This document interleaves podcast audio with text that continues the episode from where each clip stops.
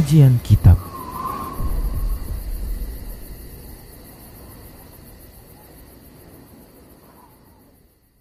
Assalamualaikum warahmatullahi wabarakatuh. Innal hamdalillah nahmaduhu wa nasta'inuhu wa nastaghfiruh wa na'udzu billahi min shururi anfusina wa min sayyiati a'malina. Man yahdihillah fala mudilla lahu ومن يضلله فلا هادي له. وأشهد أن لا إله إلا الله وحده لا شريك له. وأشهد أن محمدا عبده ورسوله صلى الله عليه وسلم. قال الله تبارك وتعالى يا أيها الذين آمنوا اتقوا الله حق تقاته ولا تموتن إلا وأنتم مسلمون. يا أيها الناس اتقوا ربكم الذي خلقكم من نفس واحدة وخلق منها زوجها وبث منهما رجالا كثيرا ونساء واتقوا الله الذي تساءلون به والأرحام إن الله كان عليكم رقيبا يا أيها الذين آمنوا اتقوا الله وقولوا قولا سديدا يصلح لكم أعمالكم ويغفر لكم ذنوبكم. ومن يطع الله ورسوله فقد فاز فوزا عظيما. أما بعد فإن أصدق الحديث كتاب الله وخير الهدى هدى رسول الله صلى الله عليه وسلم وشر الأمور محدثاتها وكل محدثة بدعة وكل بدعة ضلالة وكل ضلالة في النار. Para pemirsa Rosyad TV dan para pendengar Radio Medan Mengaji di mana saja Anda berada, rahimani wa rahimakumullah. Alhamdulillah, segala puji bagi Allah Subhanahu wa taala yang senantiasa memberikan kebaikan kepada kita, kenikmatan dan berbagai anugerah yang telah kita terima. Dan alhamdulillah pula kita disampaikan usia kita oleh Allah Subhanahu wa taala mendekati bulan Ramadan. Mudah-mudahan di bulan yang penuh dengan keberkahan yang keberkahan itu datang dari Allah Subhanahu wa taala. Sehingga bulan ini kata Nabi Shallallahu alaihi wasallam disebut dengan syahrun mubarak, bulan yang diberkahi. Semoga kita bisa mengambil keberkahan tersebut, mendapatkan keberkahan tersebut di bulan tersebut dengan cara melakukan ketaatan-ketaatan di dalamnya. Selawat dan salam kita ucapkan untuk Nabi kita Muhammad sallallahu alaihi wasallam semoga kita menjadi pengikut setia dan teladan meneladani petunjuk ajaran beliau sallallahu alaihi wasallam sampai Allah mewafatkan kita. Para hamba Allah rahimani wa rahimakumullah, kita akan lanjutkan masih membahas kitab Minhajul Muslim dalam bab akidah dan berikut ini kita akan menjelaskan bahagian kedua dari beriman kepada Allah Subhanahu wa taala.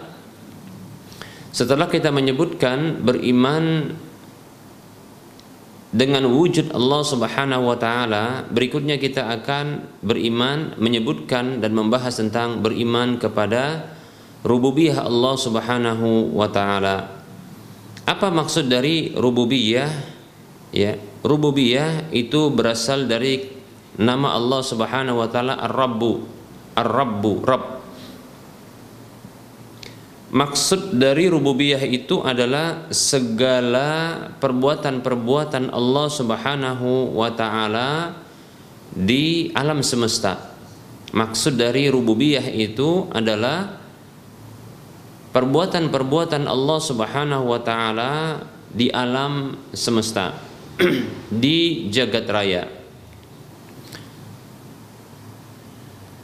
Sehingga rububiyah tersebut seperti contohnya adalah perbuatan mencipta, begitu juga perbuatan mengatur, per, begitu juga perbuatan menguasai, merajai, ya,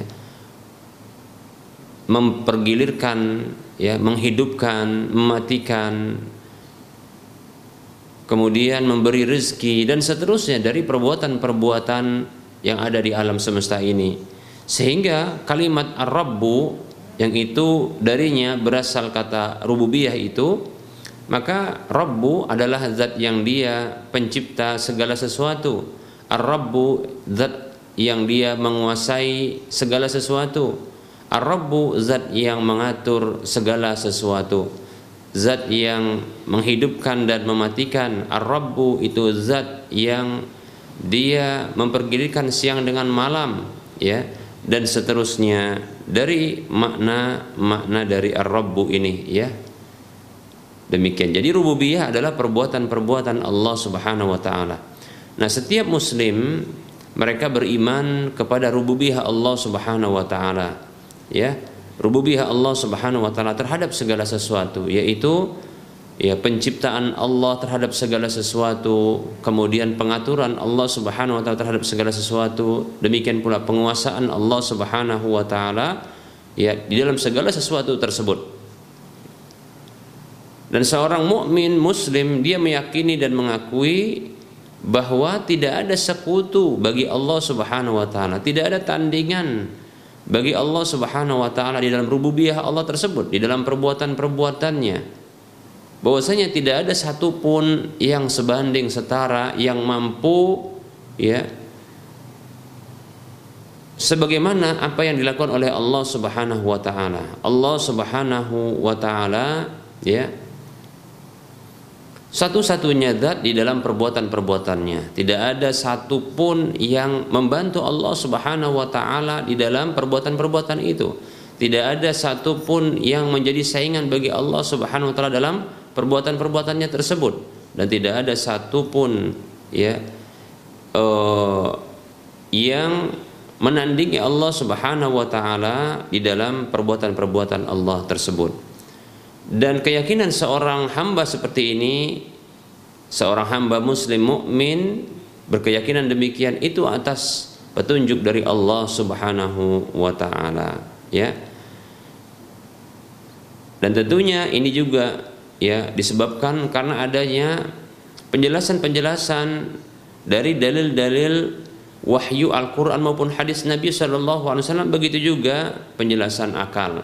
Baik para hamba Allah rahimani wa rahimakumullah, kita akan sebutkan dalil-dalil wahyu dari Al-Qur'an. Tentang rububiyah Allah Subhanahu wa taala ini. Baik kita akan sebutkan di antara dalilnya adalah Allah Subhanahu wa taala mengkabarkan tentang dirinya ya terkait dengan rububiyahnya yaitu perbuatan Allah Subhanahu wa taala. Allah kabarkan. Allah iklankan. Allah ikrarkan. Di mana Allah Subhanahu wa taala berfirman memuji dirinya. Di dalam surah Al-Fatihah ayat 2 Allah mengatakan a'udzu billahi minasyaitonir rajim Alhamdulillahi rabbil alamin. Segala puji bagi Allah dialah Rabbul alamin. Rabb tadi kita katakan adalah pencipta ya. Kemudian pengatur dan penguasa alamin yaitu alam semesta jagat raya. Demikian. Demikian pula Allah Subhanahu wa taala berfirman ya. Berfirman untuk menetapkan rububiyahnya yaitu perbuatan-perbuatannya di alam semesta dengan bentuk pertanyaan. Ya. Allah berfirman di dalam surah Ar-Ra'd ayat 16 Allah mengatakan a'udzu billahi minasyaitonir rajim qul man rabbus samawati wal ardi? Qulillah. Katakan atau tanyakan kepada mereka siapakah Rob langit dan bumi Rob yaitu pencipta pengatur penguasa langit-langit dan bumi itu Qul katakanlah Allah. Dialah Allah. Demikian. Demikian pula Allah Subhanahu wa taala berfirman di dalam menjelaskan rububiyah Allah Subhanahu wa taala yaitu perbuatan-perbuatan Allah Subhanahu wa taala di alam semesta begitu juga uluhiyah Allah Subhanahu wa taala dalam surah Ad-Dukhan ayat 7 dan 8 Allah mengatakan a'udzu billahi minasyaitonir rajim. Rabbis samawati wal ardi wa ma bainahuma in kuntum muqinin. La ilaha illa huwa yuhyi wa yumitu rabbukum wa rabbu abaikumul awwalin. Allah berfirman Rabb yaitu Rabb kita katakan adalah zat yang mencipta zat yang mengatur zat yang menguasai langit dan bumi itu dan apa saja yang ada di antara keduanya jikalau kalian benar-benar yakin. Tidak ada sesembahan yang berhak disembah kecuali dia yang dia menghidupkan dan dia mematikan. Rob kalian dan Rob ya uh, nenek moyang kalian yang pertama sekali ya demikian baik para muslim rahimani wa rahimakumullah. Demikian pula Allah Subhanahu wa taala ya memperkenalkan dirinya. Bahkan itu semenjak ketika manusia masih berada di tulang-tulang sulbi mereka. Dan itu tatkala Allah Subhanahu wa taala mengingatkan ya Allah Subhanahu wa taala mengingatkan para hamba dengan perjanjian yang pernah Allah Subhanahu wa taala ambil dari para hamba tersebut. Ya ketika mereka berada di tulang-tulang sulbi ya orang-orang tua mereka. Sesungguhnya manusia mereka itu mengakui rububiyah Allah Subhanahu wa taala, mengimani rububiyah Allah Subhanahu wa taala semenjak mereka berada di tulang sulbi, tulang sulbi ayah-ayah mereka. Demikian. Dan mereka juga mengakui ya bahwa mereka akan menyembahnya ya. Mereka mengakui bahwasanya mereka menyembahnya dan tidak berbuat syirik kepadanya ya kepa, eh, dengan segala sesuatu selainnya. Demikian. Allah berfirman dalam surah Al-A'raf ayat 172 Allah mengatakan a'udzu billahi minasyaitonir rajim. Rabbuka min bani adama min zuhurihim dzurriyyatahum wa ashhadahum ala anfusihim alastu bi rabbikum? Qalu bala shahidna an taqulu yawmal qiyamati inna kunna an hadha ghafilin. Allah berfirman yang artinya dan ingatlah tatkala Rabbmu yaitu Allah Subhanahu wa taala mengeluarkan dari tulang-tulang sulbi anak cucu Adam keturunan mereka yaitu mengeluarkan anak keturunan mereka dari tulang-tulang sulbi mereka. Dan Allah Subhanahu wa taala mengambil persaksian terhadap roh-roh mereka tersebut. Seraya berfirman Alastu birabbikum bukankah aku ini adalah Rob kalian? Yaitu Rob yang mencipta Rob yang dia menguasai Rob yang dia merajai ya mengatur alam semesta jagat raya demikian. Maka ketika itu anak Adam keseluruhannya mereka itu mengatakan bala syahidna bala syahidna. Benar betul. Kami bersaksi yaitu maksudnya kami bersaksi bahwa engkau adalah Rabb kami. Demikian. Kami bersaksi bahwasanya engkau adalah Rabb kami. Ya. Yang demikian itu dilakukan agar di hari kiamat kelak kalian tidak akan mengatakan sesungguhnya kami dari hal ini lengah. Ya. Kami tidak mengetahui luput dari hal dari dari hal ini. Ya.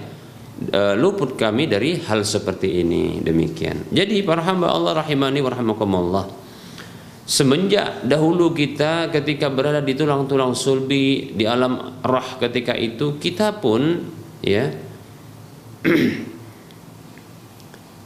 telah mengakui dan mengimani rububiyah Allah Subhanahu wa taala yaitu perbuatan-perbuatan Allah Subhanahu wa taala bahwa dia yang menciptakan segala sesuatu ya menguasai alam semesta begitu juga mengatur jagat raya Allah dialah Rob tersebut demikian bahkan ya termasuk mengarahkan ibadah hanya kepadanya tanpa berbuat syirik sedikit pun kepadanya. Demikian.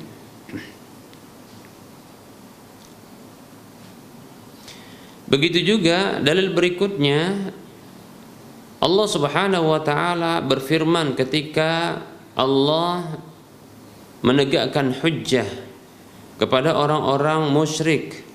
Dan Allah Subhanahu wa taala memberlakukan hujjah tersebut bagi mereka. Allah berfirman dalam surah Al-Mu'minun ayat 86 dan 87 Allah mengatakan a'udzu billahi minasyaitonir rajim Qul man rabbus samawati sab'i wa rabbul arsyil azim? Sayaquluna lillah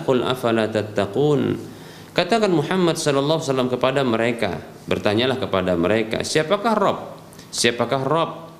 Yaitu pencipta penguasa pengatur as-samawati sab'i langit yang tujuh wa rabbul arsy azim. Dan siapakah Rabb? Pencipta pengatur penguasa arsy yang agung. Saya quluna lillah mereka.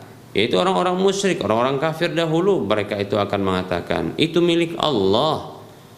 Qul katakan afala tattaqun? Katakan mengapa kalian tidak mau bertakwa kepada Allah? Yaitu mentaati Allah menyembahnya kepada Allah. Demikian. Ya. Kemudian para hamba Allah rahimani wa rahimakumullah. Dalil berikutnya bahwa para hamba, para mukmin ya itu beriman kepada rububiyah Allah Subhanahu wa taala. Ya.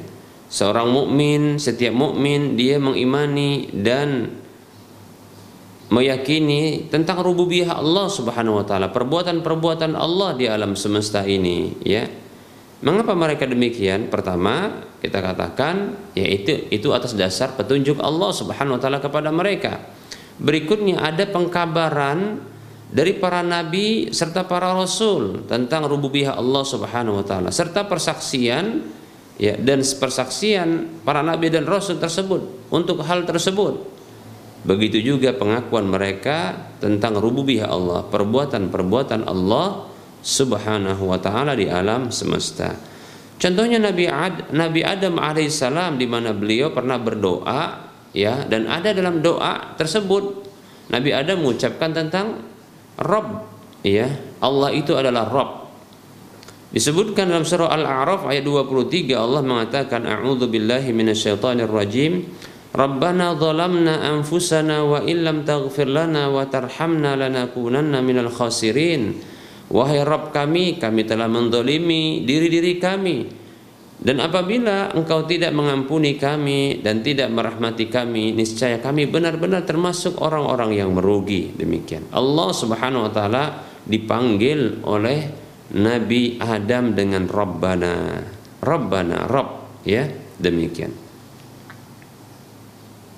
Begitu juga Nabi Nuh alaihissalam, ya, tatkala beliau mengadu kepada Allah Subhanahu wa taala. Dalam surah Nuh ayat 21 Allah mengatakan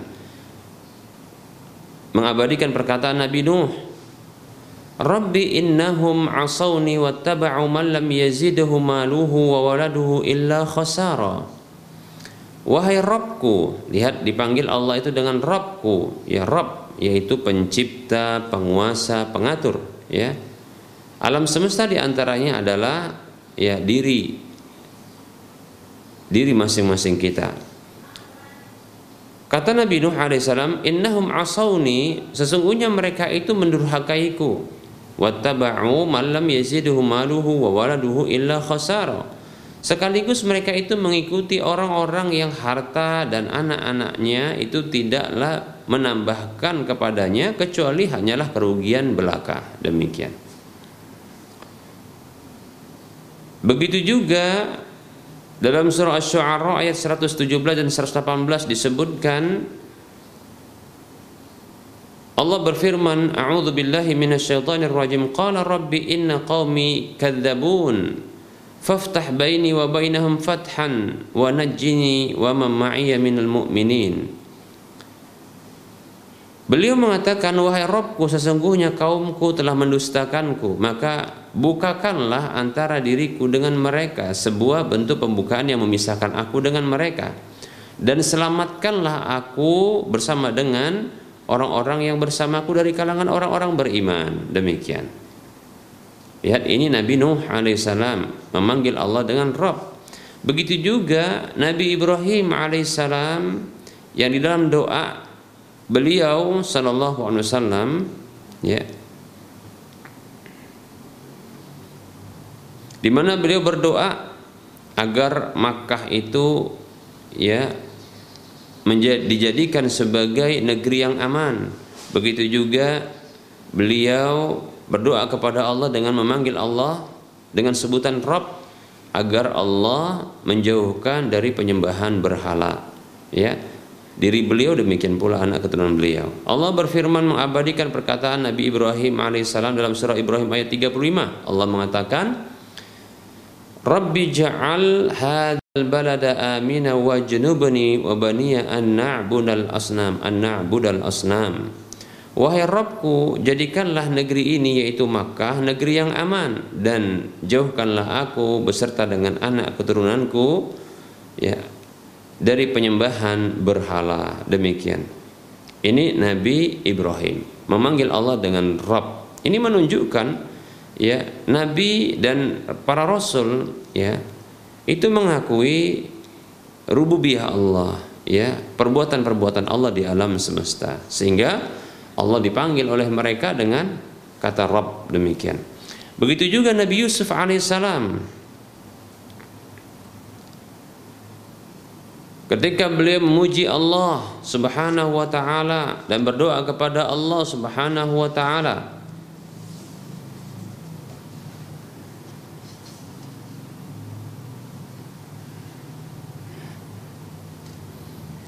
Allah berfirman mengabadikan perkataan Nabi Yusuf dalam surah Yusuf ayat 111. A'udzu billahi minasyaitonir rajim. Rabbi qad ataitani minal mulki wa 'allamtani min ta'wilil ahadits fatiras samawati wal ardi anta waliyyi fid dunya wal akhirah. Tawaffani muslima wa salihin. Wahai Rabbku, begitu kata Nabi Yusuf alaihissalam. Sungguh engkau telah datangkan kepadaku kerajaan, kekuasaan dan engkau telah ajarkan kepadaku berupa pentakwilan dari kata-kata dan mimpi. Ya. Zat yang menciptakan langit-langit dan bumi, engkaulah waliku di dunia dan di akhirat. Wafatkanlah aku dalam kondisi muslim, tunduk, patuh dan ya iringkanlah aku termasuk kepada orang-orang yang soleh demikian ya Allah maj'alna minas salihin. Walhiqna bis salihin. Demikian. Begitu juga Nabi Musa alaihissalam pernah beliau menyebutkan ya dalam doa beliau memanggil Allah dengan Rabb seperti di dalam surah Toha ayat 25 sampai 29 ya Allah mengabadikan perkataan Nabi Musa alaihissalam a'udzu billahi minasyaitonir rajim Rabbi shrah li sadri wa yassir li amri wahlul 'uqdatam min lisani yafqahu qawli waj'al li waziran min ahli Nabi Musa alaihissalam berdoa, wahai Rabbku, ya dipanggil oleh Nabi Musa, ya Allah dengan panggilan Rabb. Ya, ini pengakuan dari Nabi Musa bahwasanya Allah itulah Rabb, penguasa, pencipta dan pengatur. Ini perbuatan-perbuatan Allah Subhanahu wa taala.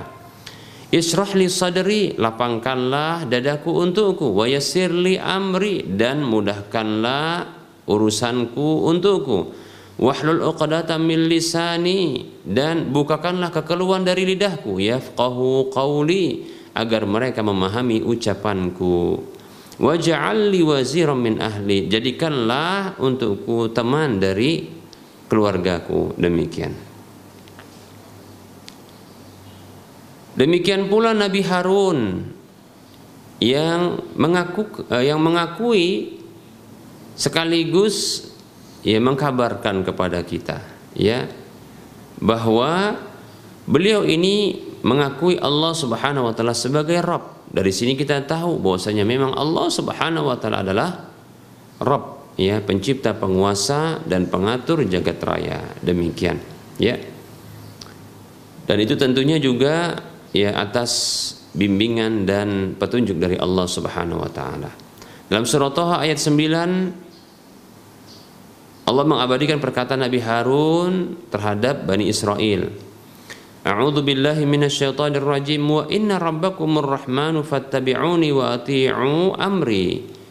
Sesungguhnya Rabb kalian itu adalah Allah Ar-Rahman, zat yang maha penyayang. Fattabi'uni maka ikutilah aku wa ati'u amri dan taatilah ya perintahku demikian. Nabi Zakaria juga demikian. Nabi Zakaria juga demikian ya. Seperti beliau pernah berdoa di dalam seperti yang diabadikan oleh Allah Subhanahu wa taala dalam surah Al-Anbiya ayat 89 ya. Nabi Zakaria mengatakan a'udzu billahi minasyaitonir rajim Rabbi la tadarni farda wa anta khairul warisin. Wahai Rabbku, lihat Allah dipanggil dengan Rabb ya. Ini pengakuan dari Nabi Zakaria. Wahai Rabbku, janganlah engkau biarkan aku sendirian sementara engkau adalah sebaik-baik ya zat yang mewariskan. Demikian. Kemudian begitu juga Nabi Isa alaihissalam ya mengakui bahwasanya Allah Subhanahu wa taala adalah Rabb. Ya bahkan Rabb ya segala sesuatu ya pencipta pengatur dan penguasa segala sesuatu. Allah berfirman dalam surah Al-Maidah ayat 117 Allah mengatakan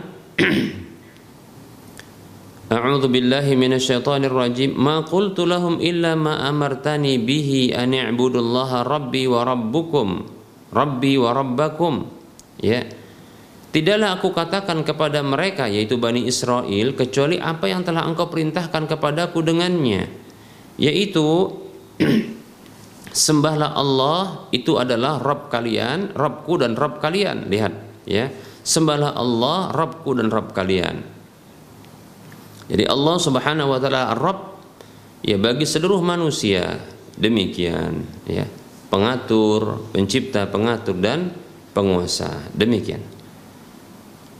Begitu juga ya diabadikan perkataan Nabi Isa oleh Allah Subhanahu wa taala dalam surah Al-Maidah ayat 72. Allah berfirman A'udzu billahi minasyaitonir rajim Ya bani Israil a'budullaha rabbi wa rabbakum. Innahu man yusyrik billahi faqad harramallahu alaihi aljannata wa ma'wahu an-nar wa ma lidh-dhalimin min ansar. Wahai bani Israel sembahlah eh, sembahlah Allah Subhanahu wa taala. Dia adalah Rabbku dan Rabb kalian. Ya Sesungguhnya siapa saja yang berbuat syirik kepada Allah maka Allah haramkan atasnya surga dan tempat kembalinya adalah neraka dan tidak ada penolong bagi orang-orang yang berbuat dolim. Demikian para muslim rahimani wa rahimakumullah.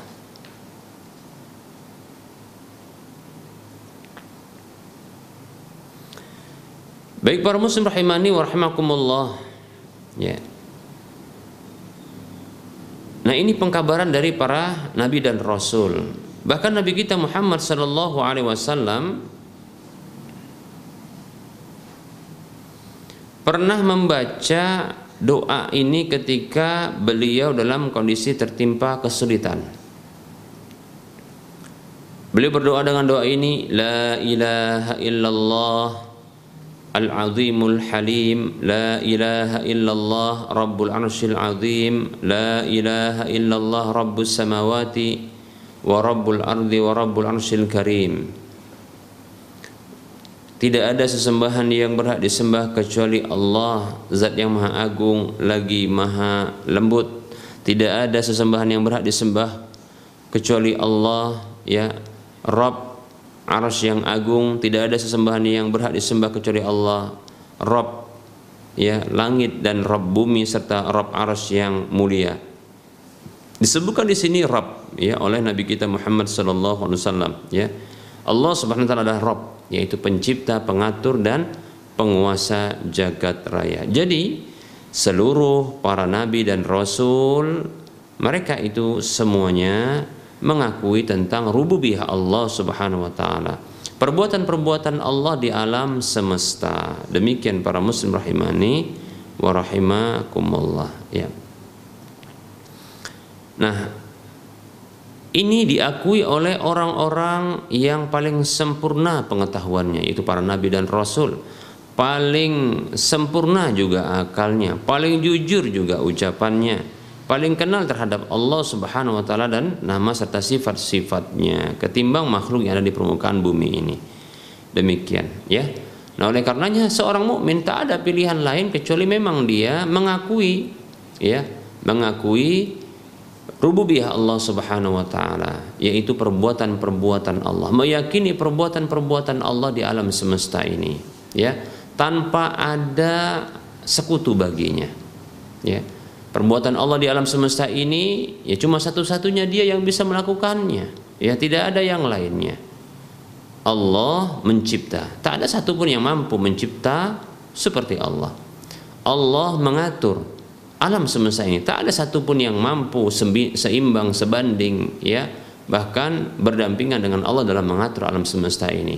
Begitu juga di dalam menguasai dan merajai alam semesta ini. Tak ada yang bisa menguasai dan merajai alam semesta ini kecuali Allah. Begitu juga menghidupkan, mematikan, mengetahui ya yang gaib maupun yang nyata. Demikian. Ya.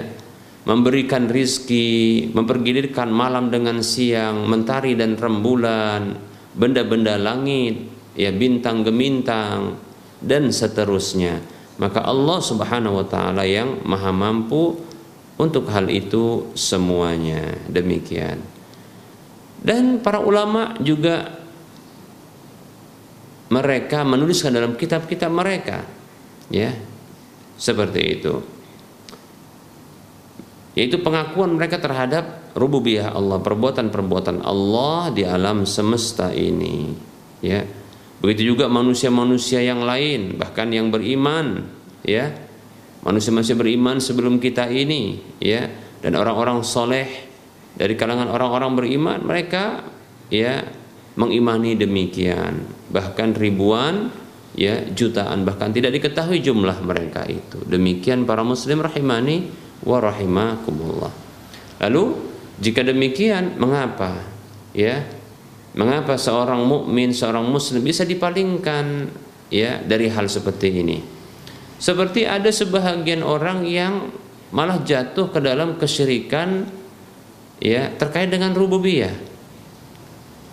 Seperti contohnya ada orang yang pakai mereka pakai jimat, diyakini jimat ini bisa memberikan manfaat dan memberikan mudarat. Nah, ini kita katakan berarti ini adalah kesyirikan dalam rububiyah Allah. Karena yang mampu untuk berbuat ya, memberikan manfaat, memberikan mudarat, menolak manfaat, menolak mudarat itu hanya Allah Subhanahu wa. Itu perbuatan Allah di alam semesta. Lalu kenapa kok diyakini ada ya, ada benda-benda yang bisa melakukan hal tersebut? Ya, demikian.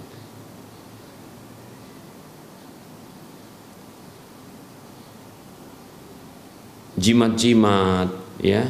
Baik itu yang besar maupun yang kecil. Begitu juga kita katakan ada benda-benda yang diyakini sebagai apa namanya pendatang keberuntungan benda-benda keberuntungan. Ada koin keberuntungan ya. Begitu juga ada uh, guci keberuntungan ya. Atau benda-benda yang lainnya Begitu juga sebaliknya ada seperti dikatakan nomor kesialan, angka sial, ya. Begitu juga hal-hal yang lainnya yang, yang diyakini bahwasanya kesialan, keberuntungan itu datangnya dari selain Allah Subhanahu wa taala. Padahal yang mendatangkan kebaikan-kebaikan, mendatangkan keburukan-keburukan itu Allah. Kenapa kok diyakini demikian? Seperti itu. Ya. Berarti ini adalah kesalahan di dalam ya iman terhadap rububiyah Allah Subhanahu wa taala. Dan ini bisa diprediksi dengan tepat bahwa ini disebabkan kita terlalu banyak ya mengambil informasi dari orang-orang kafir sekitar kita. Seperti dari media-media, tontonan-tontonan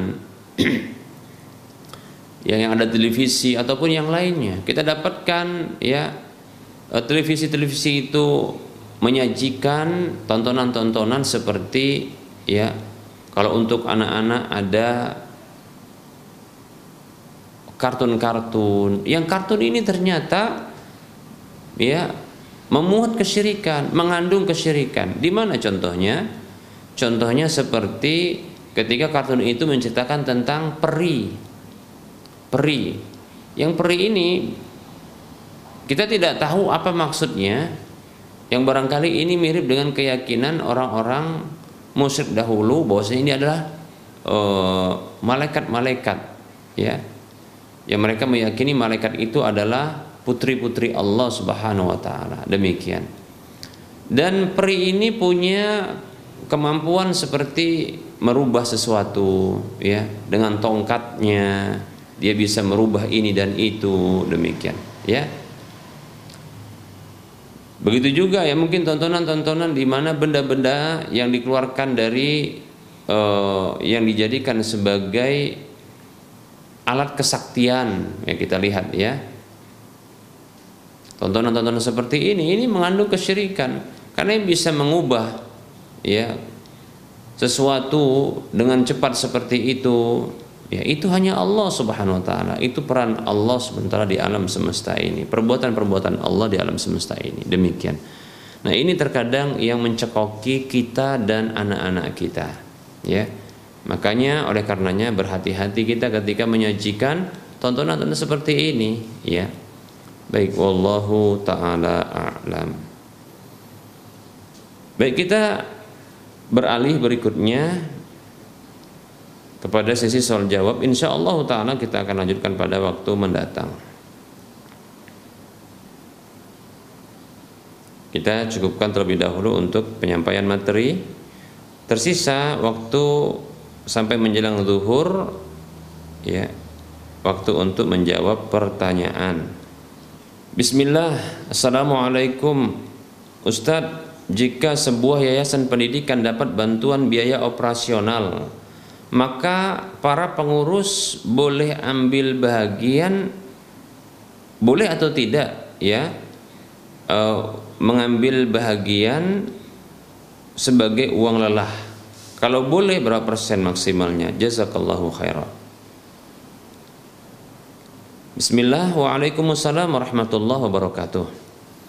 Kita tinggal melihat juknis ya, petunjuk teknis ya, biaya bantuan biaya operasional tersebut.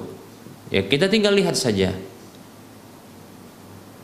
Begitu juga pengurus yayasan ini coba dilihat apakah pengurus yayasan ini adalah pengurus yayasan yang dia bersifat struktural atau operasional ya struktural atau fungsional afan ya struktural ini adalah yang tercatat e, nama-nama mereka di dalam akte.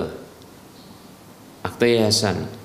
Kalau dia dalam fungsional berarti ini yang ditugaskan. Dan biasanya kalau ditugaskan dia boleh mendapatkan e, mendapatkan gaji demikian ya. Kemudian untuk bantuan dana bantuan untuk biaya operasional ini dilihat petunjuk tek teknisnya. Apakah dibolehkan atau tidak? Itu saja. Kalau ternyata ketika diarahkan ini untuk operasional ya pendidikan kita katakan di antaranya adalah apa saja yang dilibatkan dalam pengadaan pendidikan. Ternyata sebagian pengurus itu turut ya terjun di dalam ya pendidikan tersebut. Maka tentunya layak mereka untuk mendapatkan kompensasi ya atas jasa mereka, kerja mereka. Nah, begitu, ya. Seperti itu. Ya. Wallahu taala a'lam. Wa anta fajazakallahu khaira. Assalamualaikum Pak Ustadz Bagaimana kalau pada saat di sepertiga malam terbangun namun ditakdirkan oleh Allah sedang berhalangan untuk sholat. Berarti ini seorang wanita ya. Lalu kita hanya mengambil air wudhu saja lalu duduk berzikir di musolah rumah. Apakah boleh? Apakah mendapatkan pahala seperti tahajud? Irma di Jogja Masya Allah. Waalaikumsalam warahmatullahi wabarakatuh. Untuk Ibu Irma atau saudariku ya Irma di Jogja semoga Allah SWT memberikan kebaikan dan senantiasa memberikan keimanan dan ketaatan kepada kita di mana saja kita berada. Amin ya. Masya Allah luar biasa ini pertanyaannya ya. Perlu kita sampaikan bahwasanya seseorang yang biasa melakukan kebaikan yang dia merutinkan kebahag, keba, ke, ketaatan, sebuah ketaatan yang ini sesuai petunjuk Nabi Shallallahu Alaihi Wasallam. Maka ketika ada penghalang syar'i untuk melakukan ketaatan yang biasa dilakukannya sehingga tak bisa melakukannya, maka ketahuilah dia mendapatkan pahala seperti pahala dilakukan ia sempurna sebelum mendapatkan halangan itu, penghalang tersebut. Dalilnya adalah hadis yang disabdakan oleh Nabi Shallallahu Alaihi Wasallam yang diriwayatkan oleh Imam Bukhari dalam kitab sahihnya. Kata beliau Shallallahu Alaihi Wasallam, "Idza maridul abdu aw safara kutiba lahu ma ya'malu sahihan muqiman. Kata Nabi Shallallahu Alaihi Wasallam, ya, apabila seorang hamba itu sakit, terhalang oleh sakitnya, kemudian atau hamba tersebut safar, yaitu dia terhalang dengan safarnya untuk melakukan ketaatan-ketaatan yang biasa dilakukannya. Maka dicatat untuknya apa yang dia amalkan, yang biasa dia amalkan, dalam kondisi sehatnya dan dalam kondisi mukimnya. Demikian. Artinya kebiasaan-kebiasaan yang dilakukan oleh seorang hamba ketaatan-ketaatan kebiasaan-kebiasaan baik ketaatan-ketaatan yang biasa dia lakukan dalam kondisi ya tanpa ada penghalang maka ketika ada penghalang syar'i ini akan ditulis. Bukan hanya pahala niat tapi pahala amalnya. Demikian seperti itu. Jadi untuk saudariku Irma di Jogja ketika saudariku ini ya ketika saudari ini biasa melakukan sholat tahajud. Bahkan saya sarankan bukan hanya tahajud ya tapi sholat malam yang lainnya. Seperti contohnya adalah ya sholat witir ya. Jadi silakan sholat tahajud tambah lagi sholat witir. Nah ini biasa untuk dilakukan setiap malam. Namun permasalahannya karena terhalang seperti contoh apa terhal apa penghalangnya? Tertidur. Padahal ini kebiasaan ini untuk melakukan sholat. Tertidur karena kecapean baru pulang safar. Atau sakit seperti yang hadis yang kita sebutkan. Sehingga nggak bisa untuk bisa melakukannya melakukan ketaatan tersebut. Atau karena safar. Ya karena safar biasanya terlelap di jalan kan begitu ya. Begitu juga atau dalam kondisi ada halangan bagi wanita yang biasa yaitu menstruasi haidnya atau nifasnya. Biasa dilakukan itu. Maka saya berkeyakinan berdasarkan sabda Nabi SAW tersebut saya berkeyakinan ya saudari mendapatkan pahala sempurna. Bukan hanya sekedar pahala niat tapi pahala amal yang biasa dilakukan itu. Insya Allah taala jika jika saudari termasuk melakukannya sampai 11 rakaat setiap malamnya maka saudari mendapatkan pahala sempurna seperti itu masya Allah ditambah lagi ternyata dalam kondisi ada penghalang ini tidak melakukan ya tidak melakukannya ya tidak melakukan sholat tersebut namun menambah dengan yang lainnya seperti contohnya berwudu lalu berzikir. Nah, ini ada pahala tambahan. Masya Allah ya. Nah, ini dia luar biasa. Semoga ya kita semuanya kaum muslimin senantiasa dijaga oleh Allah, senantiasa dalam ketaatan di dalam kebaikan. Amin ya rabbal alamin. sampai wafat kita ya. Amin rabbal alamin. Baik. Ini barangkali ya jawabannya. Wallahu taala a'lam. Baik ada pertanyaan Assalamualaikum warahmatullahi wabarakatuh Izin bertanya Ustadz Dulu waktu itu teman saya bercerita tentang kesulitan dia bayar uang kuliah. Lalu saya membantunya dengan memakai uang arisan Jula-jula kalau di sini namanya. Dan katanya nanti akan saya ganti begitu katanya Jika saya sudah ada uang secepatnya. Dan posisinya waktu itu ketika saya e, mendapatkan uang arisan atau jula-jula, saya ingin membeli barang yang sudah saya inginkan dari dulu dan akan saya beli dengan uang arisan tersebut atau jula-jula. Kalau di sini namanya jual-jula ya. Karena waktu itu posisinya teman saya sangat butuh uang. Oleh karena itu saya lebih utamakan ia dan saya dan saya tahan keinginan saya ya untuk mendapatkan barang tersebut. Dan saat ini beliau sudah wisuda dan sudah menikah alhamdulillah dan saya meminta uang saya kembali Ustaz. Dan karena saya ingin beli barang yang sudah dari dulu diinginkan sampai sekarang belum terwujud.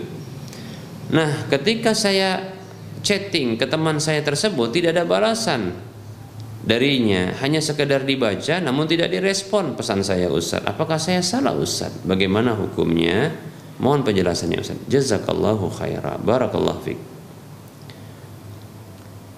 Waalaikumsalam warahmatullahi wabarakatuh. Wa anti atau wa anta fajazakallahu khaira fajazakillahu khaira. Wa fik barakallah. Nah ini tentunya dilihat akadnya. Dahulu kalau memang akadnya adalah hutang piutang, ya, maka tentunya ditentukan waktu pembayaran. Dan bila memang disepakati ini adalah akad hutang piutang, bukan akad hibah dan pemberian murni, ya, maka tentunya disepakati waktu pembayaran. Dan apabila memang sudah ditetapkan waktu pembayaran, seperti nanti waktu ke dalam kondisi lapang, ya. Nah, bila kita lihat sudah dalam kondisi lapang lalu diingatkan, apakah salah? Ya tidak. Bahkan ini merupakan bentuk apa? bentuk yang membantunya ya untuk melepaskan dari tanggung jawabnya demikian. Jadi mengingatkan namun dengan cara yang berwibawa ya.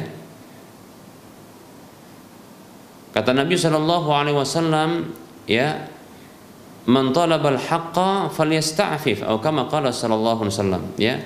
Siapa saja yang menuntut haknya maka hendaklah dia ya Eh, dengan menjaga kehormatan hendaklah dia menjaga kehormatan ya.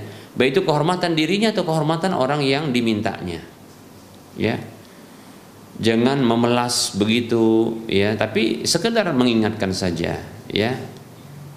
Demikian. Maka ini bukan sebuah kesalahan tidak ya.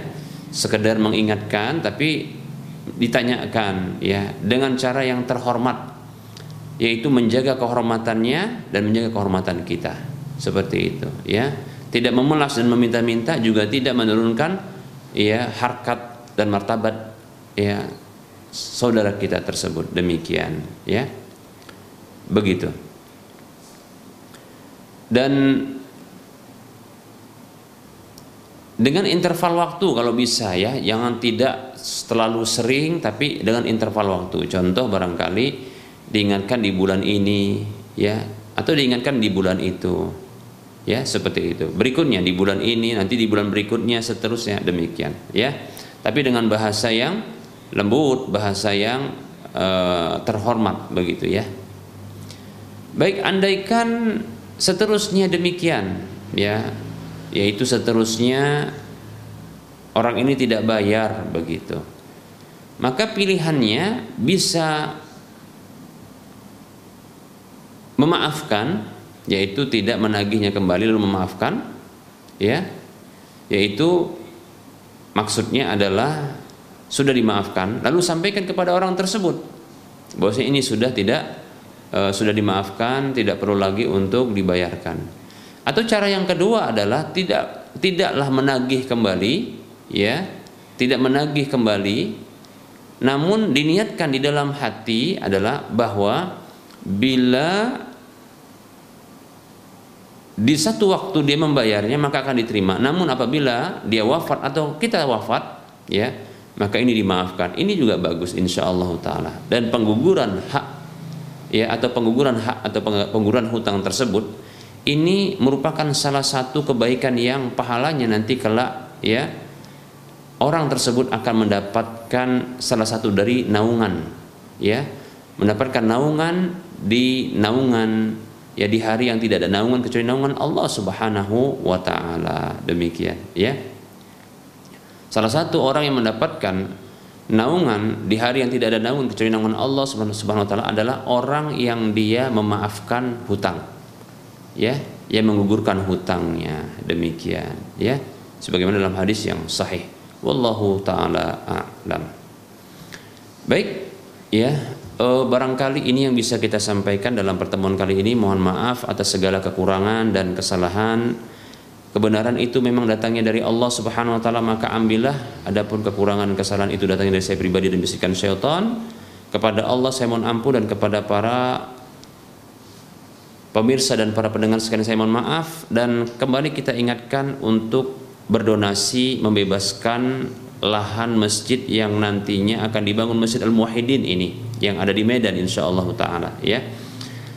Ya, saat, saat ini alhamdulillah sudah terkumpul sekitar sekitar 34,13 persen ya. Maka silahkan ini masih banyak ya lagi yang harus dibebaskan dananya ya.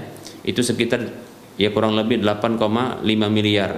Silahkan ya salurkan bantuan Anda atau infak dan sedekah Anda ke Bank Syariah Mandiri atau Bank Syariah Indonesia di nomor 71274855555 atas nama Yayasan Lajnah Dakwah Medan di kode bank 451. Semoga Anda termotivasi dan semoga Allah SWT memberikan ya tambahan rezeki kepada Anda, rezeki yang diberkahi. Amin ya rabbal alamin.